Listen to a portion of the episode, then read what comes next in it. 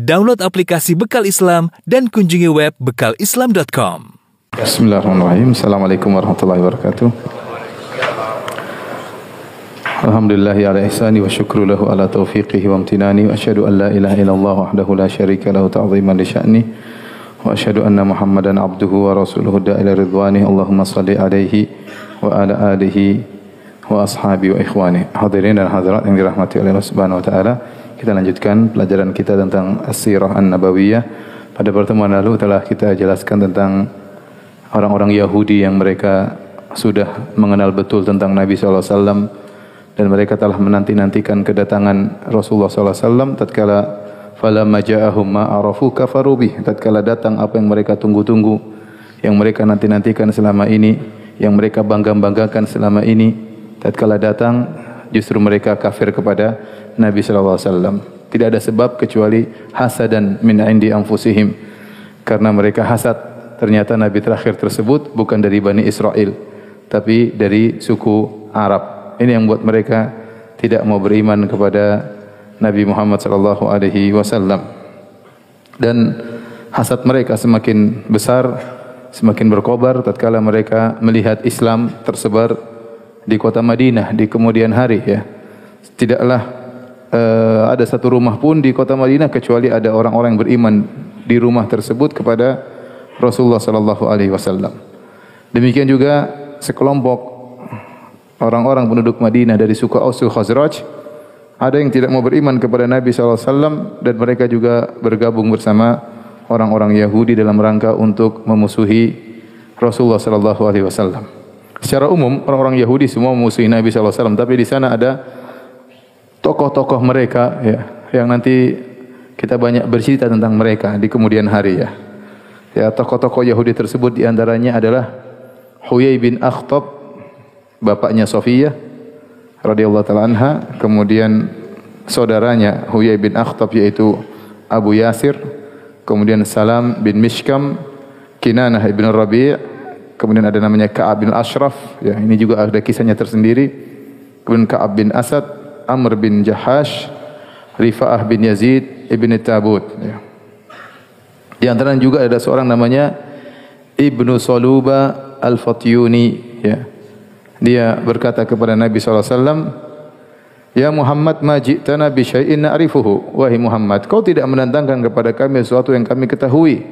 Wa ma anzalallahu alaika min ayatin bayyinatin fanatba'aka laha. Dan Allah tidak menurunkan bersamamu satu ayat yang jelas. Yang kalau ayat itu jelas kami pasti ikut engkau tapi tidak ada ayat jelas tersebut. Maka Allah turunkan ayat membela Rasulullah sallam wa laqad anzalna ilaika ayatin bayyinat. Sungguh kami telah turunkan kepada engkau wahai Muhammad bukan satu ayat saja, ayatin bayyinat, berayat-ayat yang sangat jelas. Wa ma yakfuru biha ilal fasiqun. Tidak ada yang mengkafiri ayat-ayat tersebut kecuali orang-orang fasik. Kemudian juga misalnya Rafi' bin Huraimilah dan Wahab bin Zaid, dua orang Yahudi ini pernah berkata kepada Rasulullah sallallahu alaihi wasallam, "Ya Muhammad, i'tina bi kitabin tunziluhu alaina minas sama'i naqra'uh." Wahai Muhammad, turunkanlah kepada kami dari langit buku yang kami bisa baca, ya, kitab suci yang dari, dari langit kami baca. Yang kedua, wa fajjir lana anharan natba'uka wa nusaddiquk dan alirkanlah bagi kami sungai-sungai ya agar kami bisa membenarkanmu dan mengikutimu. Maka Allah Subhanahu wa taala menurunkan ayatnya kepada Rasulullah sallam, "Am turiduna an tas'alu rasulakum kama su'ila Musa min qabl? Wa may yatabaddalil kufra bil imani faqad dhalla sawa'as sabil." Allah menjelaskan wahai Muhammad, itu kebiasaan orang-orang Yahudi dulu nenek moyang mereka juga minta yang aneh-aneh kepada Nabi Musa. Ya. Maka kata Allah, "Am turiduna an tas'alu rasulakum?" Apakah kalian ingin meminta kepada Rasul kalian itu Muhammad sallallahu alaihi wasallam sebagaimana Musa dahulu diminta sebelumnya barang siapa yang merubah ke keimanan dengan kekufuran maka dia telah tersesat dari jalan yang uh, lurus ya. Jadi uh, kebiasaan orang Yahudi dahulu minta yang aneh-aneh kepada Nabi Musa alaihissalam. Insyaallah nanti mudah-mudahan pada pertemuan berikutnya kita akan bicara tentang sejarah Yahudi karena mereka ini kaum spesial ya yang harus kita sering berbicara tentang mereka karena sangat berbahaya.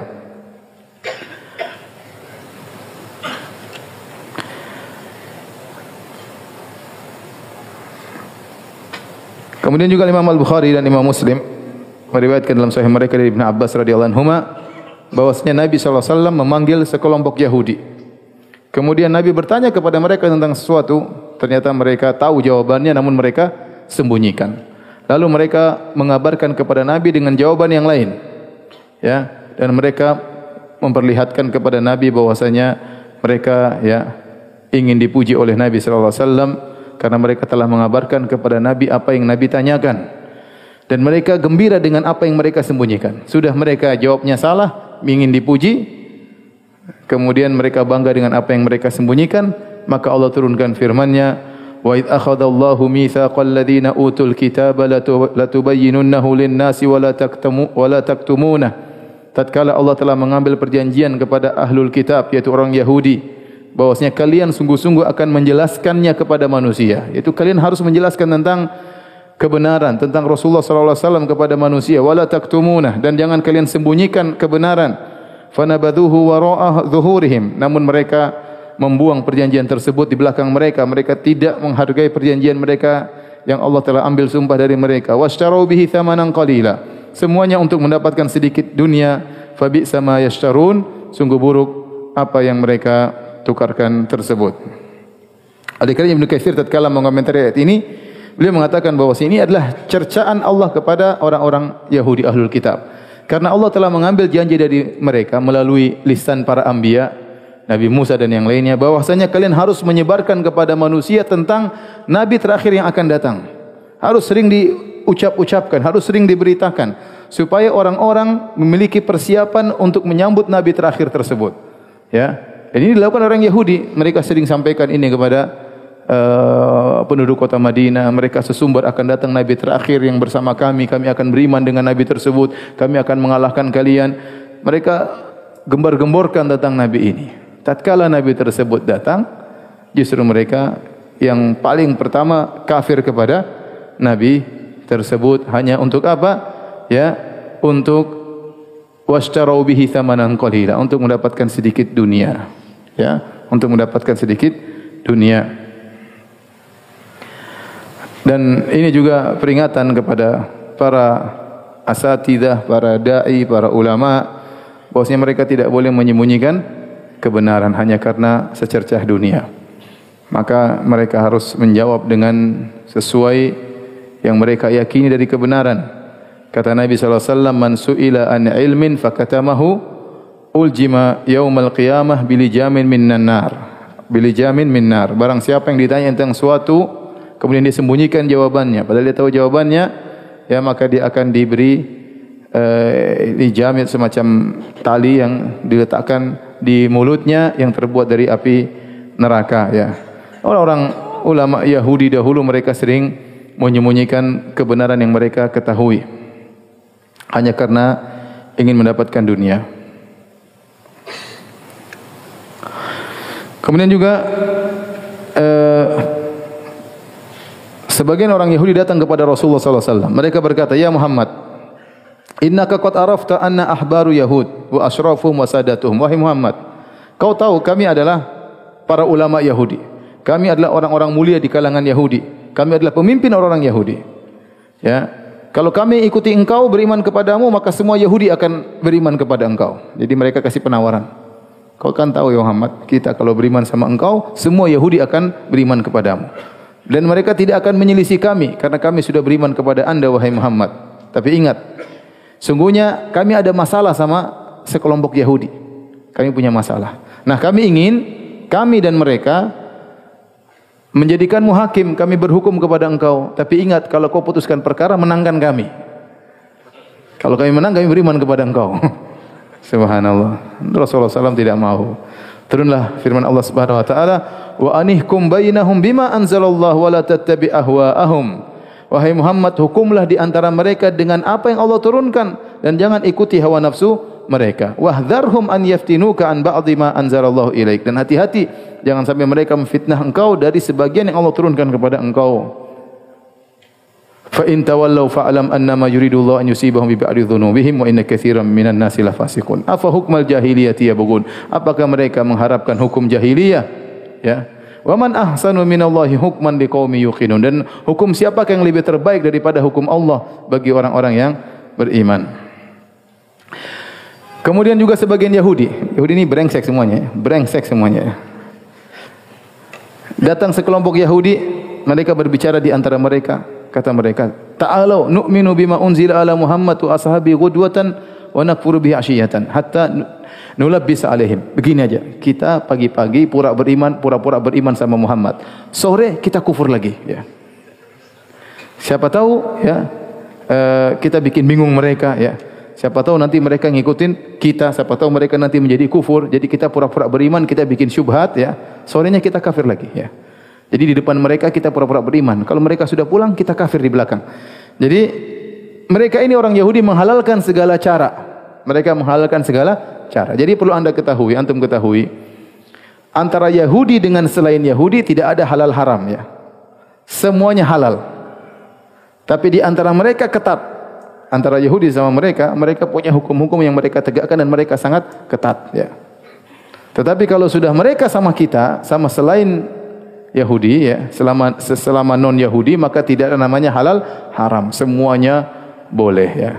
Sebagaimana termaktub dalam buku-buku akidah mereka, terutama kitab Talmud. Yang ini nanti insya Allah kita jelaskan di lain waktu. Maka tatkala mereka menghalalkan cara untuk merusak kaum muslimin, mereka bilang, "Udah kita pura-pura beriman aja. Kalau kita Islam enggak boleh, enggak boleh pura-pura syirik, enggak boleh." Kita biar biar orang-orang non muslim masuk Islam, kita pura-pura musyrik aja ya. Musyrik, kemudian kita gaul sama mereka, pura-pura beribadah, ya, menyembah berhala sama mereka, kita kasih syubhat, nanti sore kita masuk Islam lagi. Kita tidak boleh seperti itu. Tapi mereka boleh. Ya, makanya kaidah mereka al-ghayah tubarrirul wasilah. Tujuan menghalalkan segala cara. Pokoknya tujuannya ini apapun yang boleh kita lakukan. Yang penting tujuannya, tujuannya. Tujuannya agar orang-orang Islam bisa meninggalkan murtad, meninggalkan agama mereka. Maka kita tidak apa pura-pura masuk Islam. Maka Allah turunkan firman-Nya, "Ya ahlal kitab, lima talbisunal haqqa bil batil wa taktumunal haqqa wa antum ta'lamun." Wahai ahlul kitab, kenapa kalian mencampur adukan antara kebenaran dengan kebatilan dan kalian menyembunyikan kebenaran padahal kalian mengetahui kebenaran tersebut? Wa qala ta'ifatu min ahli kitab aminu billadhi unzila alladhina amanu wajhan nahar waqfuru akhirahu la'allahum yarji'un. Sebagian ahlul kitab berkata, marilah kita beriman kepada yang diturunkan kepada Muhammad di pagi hari. Nanti sore kita kafir lagi, siapa tahu mereka murtad. Inilah orang-orang uh, Yahudi. Kemudian ya Allah Subhanahu wa taala melarang kaum muslimin ya untuk berkasih sayang sama orang-orang Yahudi. Makanya tatkala ada sebagian kaum muslimin menampakkan kasih sayang kepada dua tokoh Yahudi yaitu Rifa'ah bin Zaid dan Suwaid bin Harith dan mereka ini orang Yahudi munafik ya Kemudian ada sebagian kaum muslimin menampakkan kasih sayang kepada mereka, maka Allah tegur. Kata Allah, Ya ayyuhalladzina amanu, La tattakhidhul ladzina takhadu dinakum huzwan wa la'iban minal ladzina utul kitaba min qablikum wal kuffar awliya. Wahai orang yang beriman, janganlah kalian menjadikan orang-orang Yahudi ahlul kitab yang mempermainkan agama ini, menjadikan agama sebagai senda gurau dan permainan, ejekan dari kalangan Yahudi dan juga orang-orang kafir. Jangan kalian menjadikan mereka sebagai wali-wali kalian. Wattaqullaha in kuntum mu'minin. Bertakwalah kepada Allah jika kalian benar-benar beriman. Demikian juga Allah turunkan ayat yang menegur ya ayyuhalladzina amanu la tattakhidhu bitanatan min dunikum la ya'lunakum khabala waddu ma anittum qad badatil baghdha'u min afwahihim ma tukhfi sudurum akbar. Qad bayyana lakumul ayati in kuntum taqilun. Kata Allah wahai orang yang beriman jangan kalian menjadikan orang-orang Yahudi sebagai teman-teman dekat kalian. Yang kalian teman ngobrol kalian ceritakan rahasia kalian. Ya kalau bertetangga enggak ada masalah tapi jadi teman dekat kemudian jadi teman ngobrol tempat musyawarah enggak boleh ya yang mereka berusaha memberikan kemudaratan kepada kalian mereka berangan-angan timbul perkara-perkara yang menyusahkan kalian. Qad qad badatil baghdha'u min afwahim. Sungguh telah nampak permusuhan dari lisan-lisan mereka. Wa ma tukhfi suduhum akbar dan apa yang disembunyikan permusuhan dalam dada mereka lebih besar lagi. Qad bayyana lakumul ayati in kuntum taqilun. Sungguh kami telah jelaskan bagi kalian ayat-ayat agar kalian jika kalian berfikir. Orang Yahudi ya, mereka mengetes Nabi sallallahu alaihi wasallam. Ya, untuk dalam rangka apa? Untuk ngejek Nabi sallallahu alaihi wasallam ya. Imam Al-Bukhari dan Muslim meriwayatkan dari Ibnu Mas'ud, beliau berkata, "Baina ana ma'an Nabi sallallahu alaihi wasallam fi harthin wa huwa muttaqi'un ala asibin." Suatu hari aku bersama Nabi sallallahu alaihi wasallam di suatu semacam uh, mazra'ah kebun ya. Kemudian Nabi sedang bertelekan pada pelepah korma. Idh marral yahud, tiba-tiba sekelompok Yahudi lewat. Faqala ba'dhum li ba'dhin, sebagian mereka bicara. Saluhu anir ruh, tanya Muhammad tentang ruh, tanya. Jadi mereka ingin tanya Nabi, Nabi tidak bisa jawab ya. Ya, katanya Nabi enggak bisa jawab. Intinya gitulah maksudnya. Tanya-tanya dia, tanya dia. Faqalu ma rabbakum ilaihi? Apa apa hajat kalian sama dia? Sudah enggak usah tanya-tanya. Ya. Jangan sampai nanti dia jawab kalian jadi jengkel. Enggak usah tanya. Kata mereka, tanya-tanya. Jangan nanti kalau dia jawab kita jadi enggak enak. Sudah tanya aja. Tanyakan kepada Muhammad tentang ruh. Akhirnya mereka datang, "Eh Muhammad, apa itu ruh?" Subhanallah. Pertanyaan susah ya. Pertanyaan susah ya. Tentang roh, siapa yang tahu tentang roh? Maka Nabi SAW tidak bisa jawab. Tidak bisa jawab. Ya. Sampai akhirnya turun wahyu kepada Rasulullah SAW. Tatkala turun wahyu, maka Allah mengatakan, Wa yas'alunaka anir ruh. Kulir ruhu min amri rabbi. Mereka bertanya kepada engkau tentang ruh. Katakanlah ruh adalah urusanku. Wa ma utitu minal ilmi illa qalila. Kalian tidak diberi ilmu kecuali sangat sedikit. Artinya ilmu yang kalian miliki sangat sedikit tidak bisa menyingkap hakikat ruh. Tidak bisa. Tidak bisa. Jadi pertanyaan Yahudi enggak usah dijawab wahai Rasulullah. Karena ruh ini memang tidak ada yang bisa tahu bagaimana hakikat ruh. Sampai kata para ulama kalau ada seribu orang berkumpul untuk mendefinisikan ruh akan ada seribu pendapat. Karena enggak ada yang tahu ruh itu apa. Jadi apa dia terbuat? Bagaimana cara masuk ke dalam tubuh manusia? Ya, tidak ada yang tahu. Yang tahu hanya Allah Subhanahu Wa Taala. Makanya Allah mengatakan, "Wa ma utitum minal ilmi illa qalila." Kalian tidak diberi ilmu kecuali sangat sangat sedikit. Tidak bisa mengetahui hakikat roh.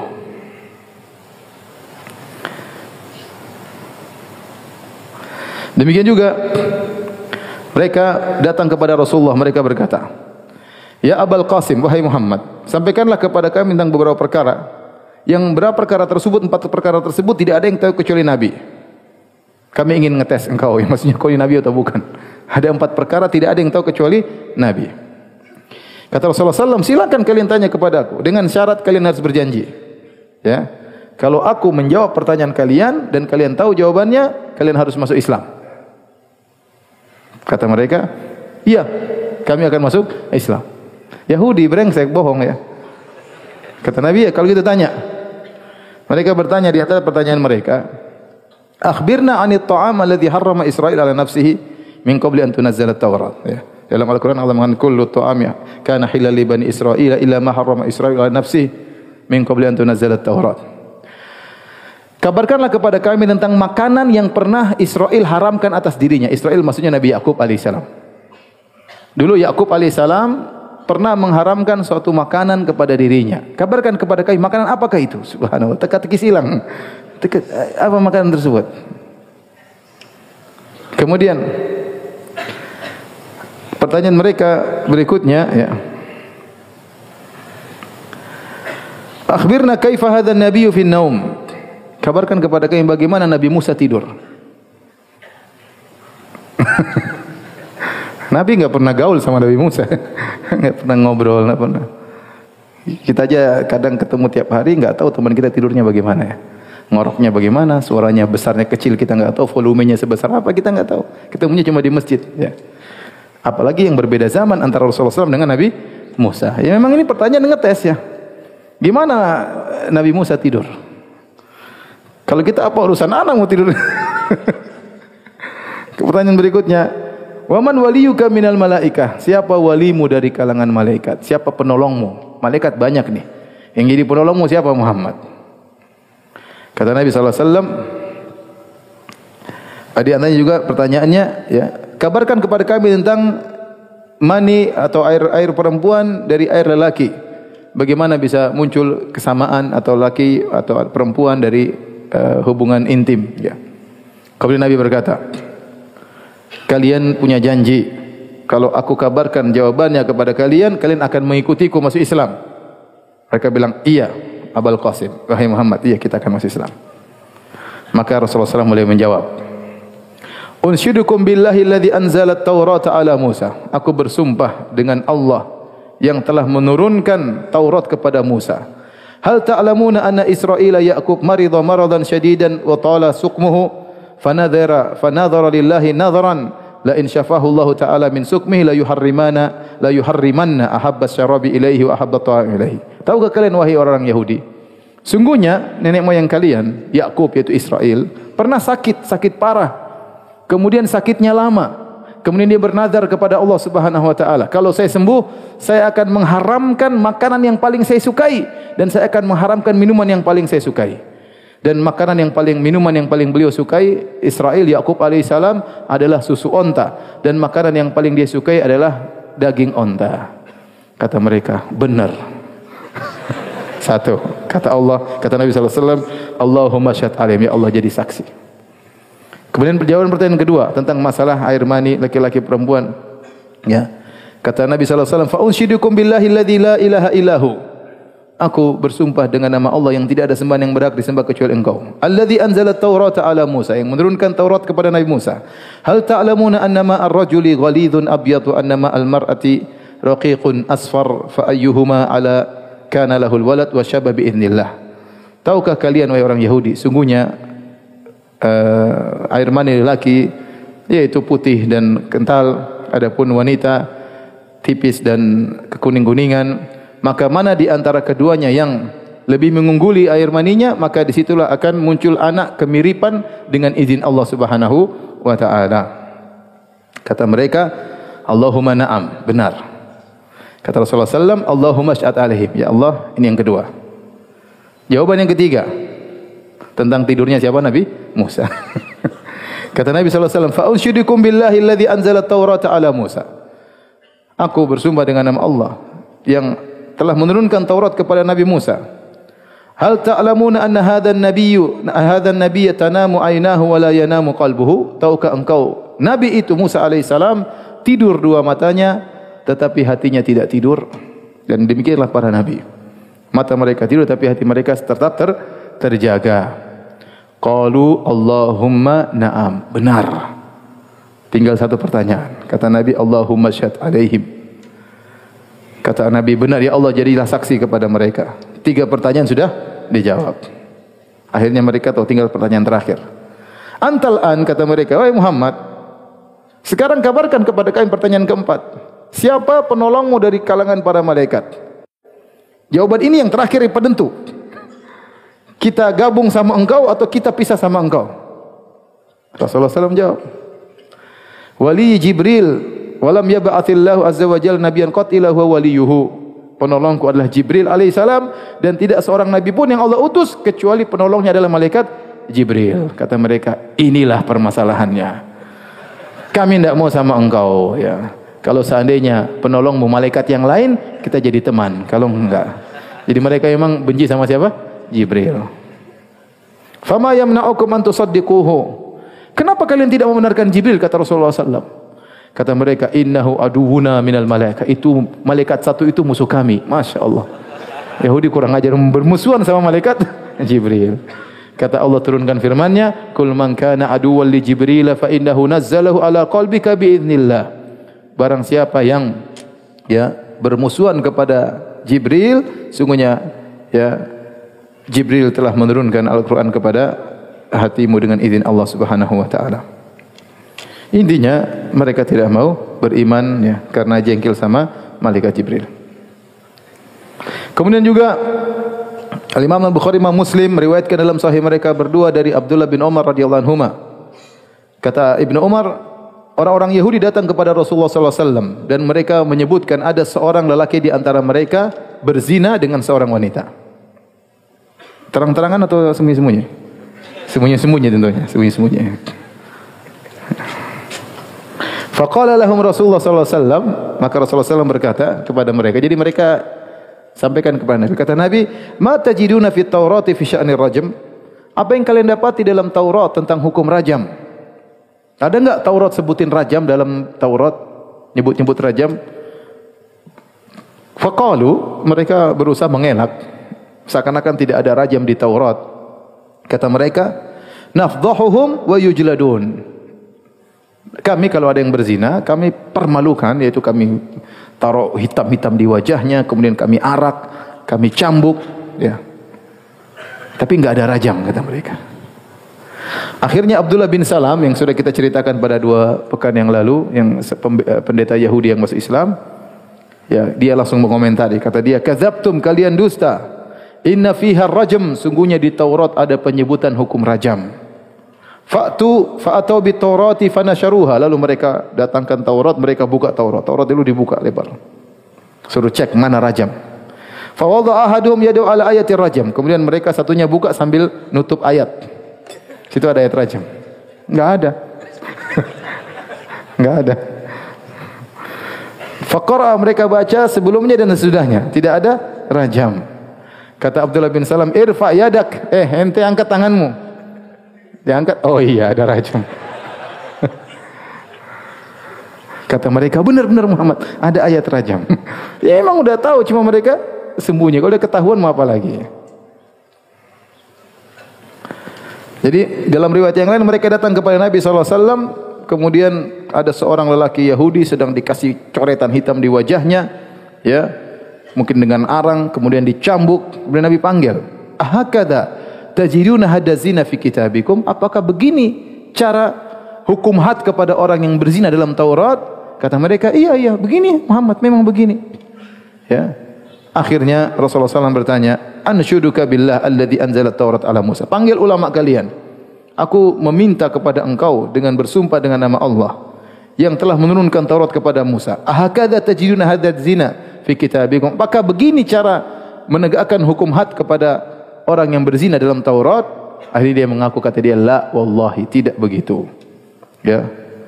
Yang benar adalah dengan dengan rajam.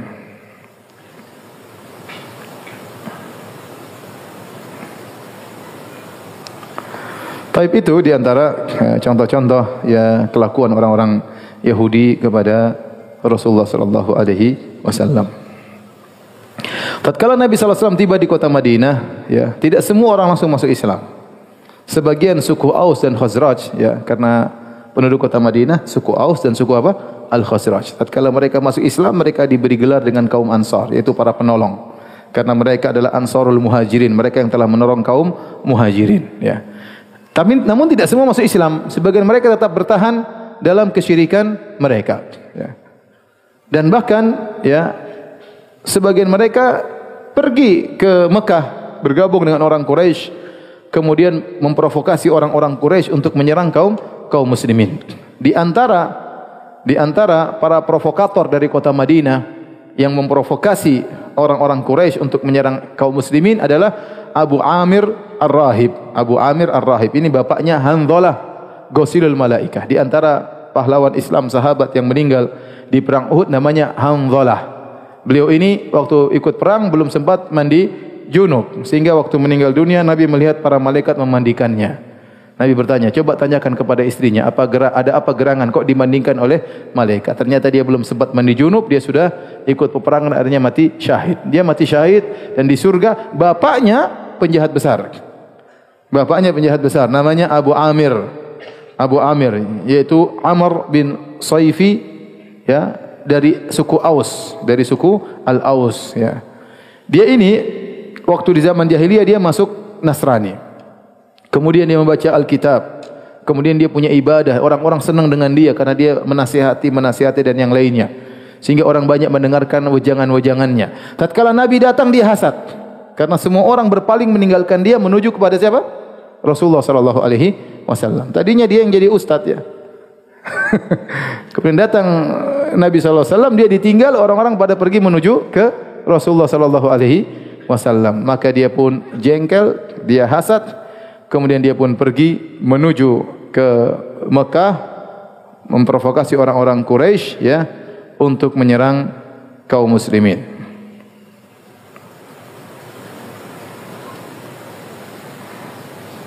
akhirnya ya datanglah kaum musyrikin datang berkumpul menyerang kaum muslimin dalam perang Uhud ya di antaranya. Namun Nabi SAW menamakan dia Abu Amir Al-Fasiq. Nabi menggelar diri dengan si fasik. Ya. Tadinya namanya Abu Amir Ar-Rahib. Abu Amir sang pendeta. Abu Amir sang ustad kalau bahasa kita. Ya. Ternyata diganti dengan Nabi apa? Abu Amir Al-Fasiq. Ya. Abu Amir si fasik. Kemudian tokoh yang paling top di kota Madinah adalah Abdullah bin Ubay bin Salul. Abdullah bin Ubay bin Salul gembong orang-orang munafik. Jadi Abdullah bin Abu bin Salul, ya dia dari suku Al Khazraj, dari suku Al Khazraj. Dan dia satu-satunya uh, senior yang tersisa yang ada di kaum Ansar. Karena suku Aus Khazraj terjadi perang saudara di antara mereka sampai dikatakan 120 tahun. Dan terlalu banyak yang meninggal dunia. Dan puncak peperangan mereka dikenal dengan Yaumul Bu'ath, yaitu sekitar lima tahun sebelum Nabi berhijrah ke kota Madinah. Di situlah puncak-puncak peperangan antara suku Aus dan Khazraj. Di puncak peperangan tersebut, perang saudara tersebut, semua senior-senior tewas. Yang tersisa cuma satu ekor, namanya Abdullah bin Ubay bin Salul. Dia satu-satunya yang ter tersisa. Akhirnya, mereka sudah capek dengan peperangan, dan dia satu-satunya orang yang disepakati oleh dua suku, Aus dan Khazraj, untuk menuakannya. Untuk menjadikannya pemimpin. Ya, ini orang hebat, orang terpandang, senior ya. Maka suku Aus dan Khazraj yang ber, berperang, akhirnya sepakat untuk menjadikan dia pemimpin. Siapa? Abdullah bin Ubay bin Salul. Waktu mereka sudah ingin mengangkat jadi pemimpin, tiba-tiba Muhammad sallallahu alaihi wasallam datang. Semua orang berpaling kepada siapa? Rasulullah sallallahu alaihi wasallam. Maka dia pun hasad dan dia pun jengkel. Harusnya dia jadi pemimpin, tidak jadi. Semuanya diambil oleh siapa? Muhammad sallallahu alaihi wasallam. Akhirnya tatkala orang-orang semua masuk Islam, dia tidak mau masuk Islam. Dia tetap dalam kondisi syirik. Dia baru masuk Islam setelah perang Badar. Setelah perang Badar, kaum muslimin jaya mengalahkan orang-orang Quraisy, dia ketakutan, lebih aman dia masuk apa? Islam. Masuk Islam, KTP-nya doang. Hatinya munafik. Maka dia berubah jadi musyrik, jadi apa? Munafik. Tapi kalau dilihat KTP-nya, Islam. Inilah kisah dari Abdullah bin Ubay bin Salul. Al-Imam Al-Bukhari Imam Muslim meriwayatkan dari Usama bin Zaid radhiyallahu taala anhuma bahwasanya suatu hari Rasulullah sallam naik himar eh, naik keledai ya memakai pakaian dari yang yang yang, yang tebal dari Fadakiyah itu yang berasal dari kota Fadak dekat kota Madinah. Kemudian Nabi membonceng Usamah bin Zaid yang ya anaknya Zaid bin Harithah. Kemudian Nabi dalam rangka menjenguk Sa'ad bin Ubadah radhiyallahu taala anhu ya. Jadi kaum Ansar semuanya muda-muda ya. Ya, Eh, Sa'ad bin Mu'adh pemimpin suku Aus, Sa'ad bin Ubadah pemimpin suku Khazraj. Ini semua belum 40 tahun, masih 30-an ke atas. Yang tua cuma siapa? Abdullah bin Ubay bin Salul. Makanya kata para ulama sebagaimana pernah kita sampaikan, dakwah di kota Madinah lebih mudah karena e, gembong-gembongnya sudah pada tewas ya. Tinggal satu yang masih tersisa, Abdullah bin Ubay bin Salul ya. Beda di kota Mekah, gembong-gembong masih ada semua. Susah ya. Di Madinah anak muda dan mereka mudah menerima Islam. Nah, suatu hari Nabi SAW membonceng Usama bin Zaid menjenguk uh, Sa'ad bin Ubadah, pimpin suku Al-Khazraj, ya, menjelang perang Badar, sebelum perang Badar. Kemudian Nabi melewati majlis lagi orang kumpul-kumpul, situ ada Abdullah bin Ubay bin Salul. Lagi duduk situ. Waktu itu Abdullah bin Ubay bin Salul belum masuk Islam. Dia masuk Islam setelah perang Badar. Kemudian ternyata di majlis tersebut akhlak, kumpul orang bermacam-macam. Ada musyrikin, ada musyrikin penyembah berhala yaitu Abdullah bin Ubay dan teman-temannya, ada sahabat kaum muslimin dan ada orang-orang Yahudi. Dan di, di dalam majlis tersebut ada sahabat Abdullah bin Rawahah radhiyallahu anhu yang dari kalangan kaum muslim. Jadi Abdullah bin Ubay bin Salul pemimpin majlis, ada Yahudi, ada uh, musyrikin, ada kaum muslimin. Tatkala Nabi melewati majlis mereka, maka debu yang yang bekas pijakan himarnya keledainya Nabi sallallahu alaihi wasallam mengenai majlis mereka. Maka Abdullah bin Ubay bin Salul khammara anfahu dia pun tutup hidungnya dengan kainnya dengan selendangnya. Kemudian dia berkata kepada Rasulullah, "Tugabbiru alaina." Jangan bikin debu sama kami. Rasulullah SAW mengucapkan salam kepada mereka. Kemudian Nabi SAW turun dari himarnya. Kemudian Nabi SAW mendakwahi mereka untuk masuk Islam. Nabi bacakan Al-Quran kepada mereka. Setelah Nabi baca Quran, Abdullah bin Ubay bin Salul komentar. Kata dia, Ayuhal mar' Wahai si fulan. Hei, dia tidak sebut nama Nabi. Dia, wahai kata dia, wahai engkau ya innahu la ahsana mimma taqul in kana haqqan yang kau sampaikan tu ben, ba, paling bagus kalau benar masalahnya enggak benar fala tu'zina fi bihi fi majalisina. Jangan kau ganggu kami dengan Al-Qur'an di majelis-majelis kami. Jangan kau ganggu kami. Irji ila rahlika. Pulang sana ke rumahmu kata Abdullah bin Ubay bin Salul. Dia orang tua senior. Dia jengkel sama Nabi SAW pulang saja ke rumahmu. Faman ja'aka faqsus alaihi. Sudah kau duduk aja di rumahmu, kalau ada yang datang cerita sana, cerita kisah-kisahmu itu. Ya, tapi jangan ganggu kami dengan cerita-ceritamu.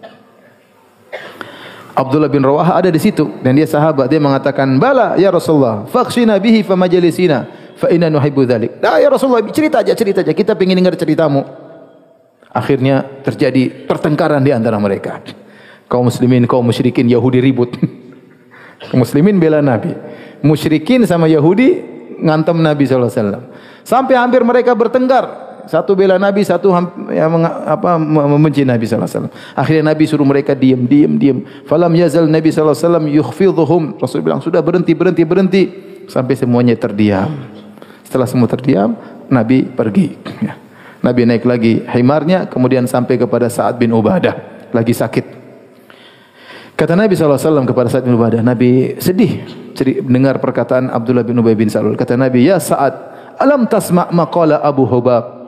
Ya Sa'ad, tidak kau kedengar apa yang diucapkan oleh Abdullah bin Ubay bin Salul? Qala kadha wa kadha. Tadi dia bilang begini-begini. Rasulullah sampaikan. Maka Sa'ad nasihati Nabi SAW. Atau menyampaikan pendapat dia. Saat berkata, Ya Rasulullah, U'fu anhu wasfah anhu. Ya Rasulullah, maafkanlah Abdullah bin Ubay bin Salul lapangkanlah dadamu terhadap Abdullah bin Ubay bin Salul. Kawalladhi anzala alaikal kitab. Demi Allah yang menurunkan Al-Quran kepadamu. Laqad ja'allahu bil haqqil ladhi anzala alaik. Sungguh Allah telah mendatangkan kebenaran melalui engkau yang Allah turunkan kepadamu. Walaqad istalaha ahlu hadhil buhairah ala an yutawwijuhu fayu'assibunahu bil isabah. Sungguh kami ini suka usuh Khazraj penduduk kota Madinah kita sudah sepakat untuk menjadikan dia pemimpin sebenarnya sebelum kau datang wahai Muhammad wahai Rasulullah alaihi wasallam. Falamma aballahu dzalika bil haqq alladhi a'taka Allahu syarika bidzalik. Tatkala Allah mengirimkan engkau membawa kebenaran tidak jadi. Akhirnya dia kayak keselak sini jengkel. Kata siapa namanya? Kata uh, Sa'ad bin Ubadah. Fadzalika fa'ala bihi ma ra'ait. Karena itu dia ngomong begitu sama engkau wahai Rasulullah. Fa'afa anhu Rasulullah sallallahu maka Nabi pun maafkan siapa? Abdullah bin Ubay bin Salul dan Nabi dan para sahabat yang maafkan kaum musyrikin ya. dan Allah merintahkan hal tersebut. Dalam riwayat yang lain dari Anas bin Malik dikatakan kepada Nabi sallallahu alaihi wasallam, "Lau ataita Abdullah bin Ubay." Ya Rasulullah, bagaimana kalau kau datang menemui Abdullah bin Ubay bin Salul? Qala, dakwahi dia, dia pemimpin, pemimpin di kota Madinah. Maka Nabi pun berjalan menuju Abdullah bin Ubay bin Salul, kemudian Nabi naik himarnya ya. Kemudian tatkala nabi sampai kepada Abdullah bin Ubay bin Salul maka dia berkata ilaika anni pergi engkau. Wallahi laqad adani natnu himarik. Sungguh baunya himarmu telah menggangguku. Pergi. Sombong ya. Pergi. Ya. Maka ada seorang dari kaum ansor bela nabi. Kata dia kaum ansor wallahi la himar rasulullah sallallahu alaihi wasallam atyabu rihan minka. Ada yang bela Nabi. Kata dia wahai Abdullah bin Ubay bin Salul. Itu keringatnya himarnya Nabi lebih harum daripada ente. lebih harum daripada ente. Ente bilang tadi bau itu baunya masih lebih harum daripada ente. Maka Abdullah bin Ubay bin Salul pun ngamuk ya. Ada seorang pun ngamuk membela Abdullah bin Salul akhirnya ribut sama sama sahabat tersebut ya. Mereka sering pukul-pukulan pakai pelepah korma, ada yang lempar-lemparan pakai sendal dan yang lainnya. Ya.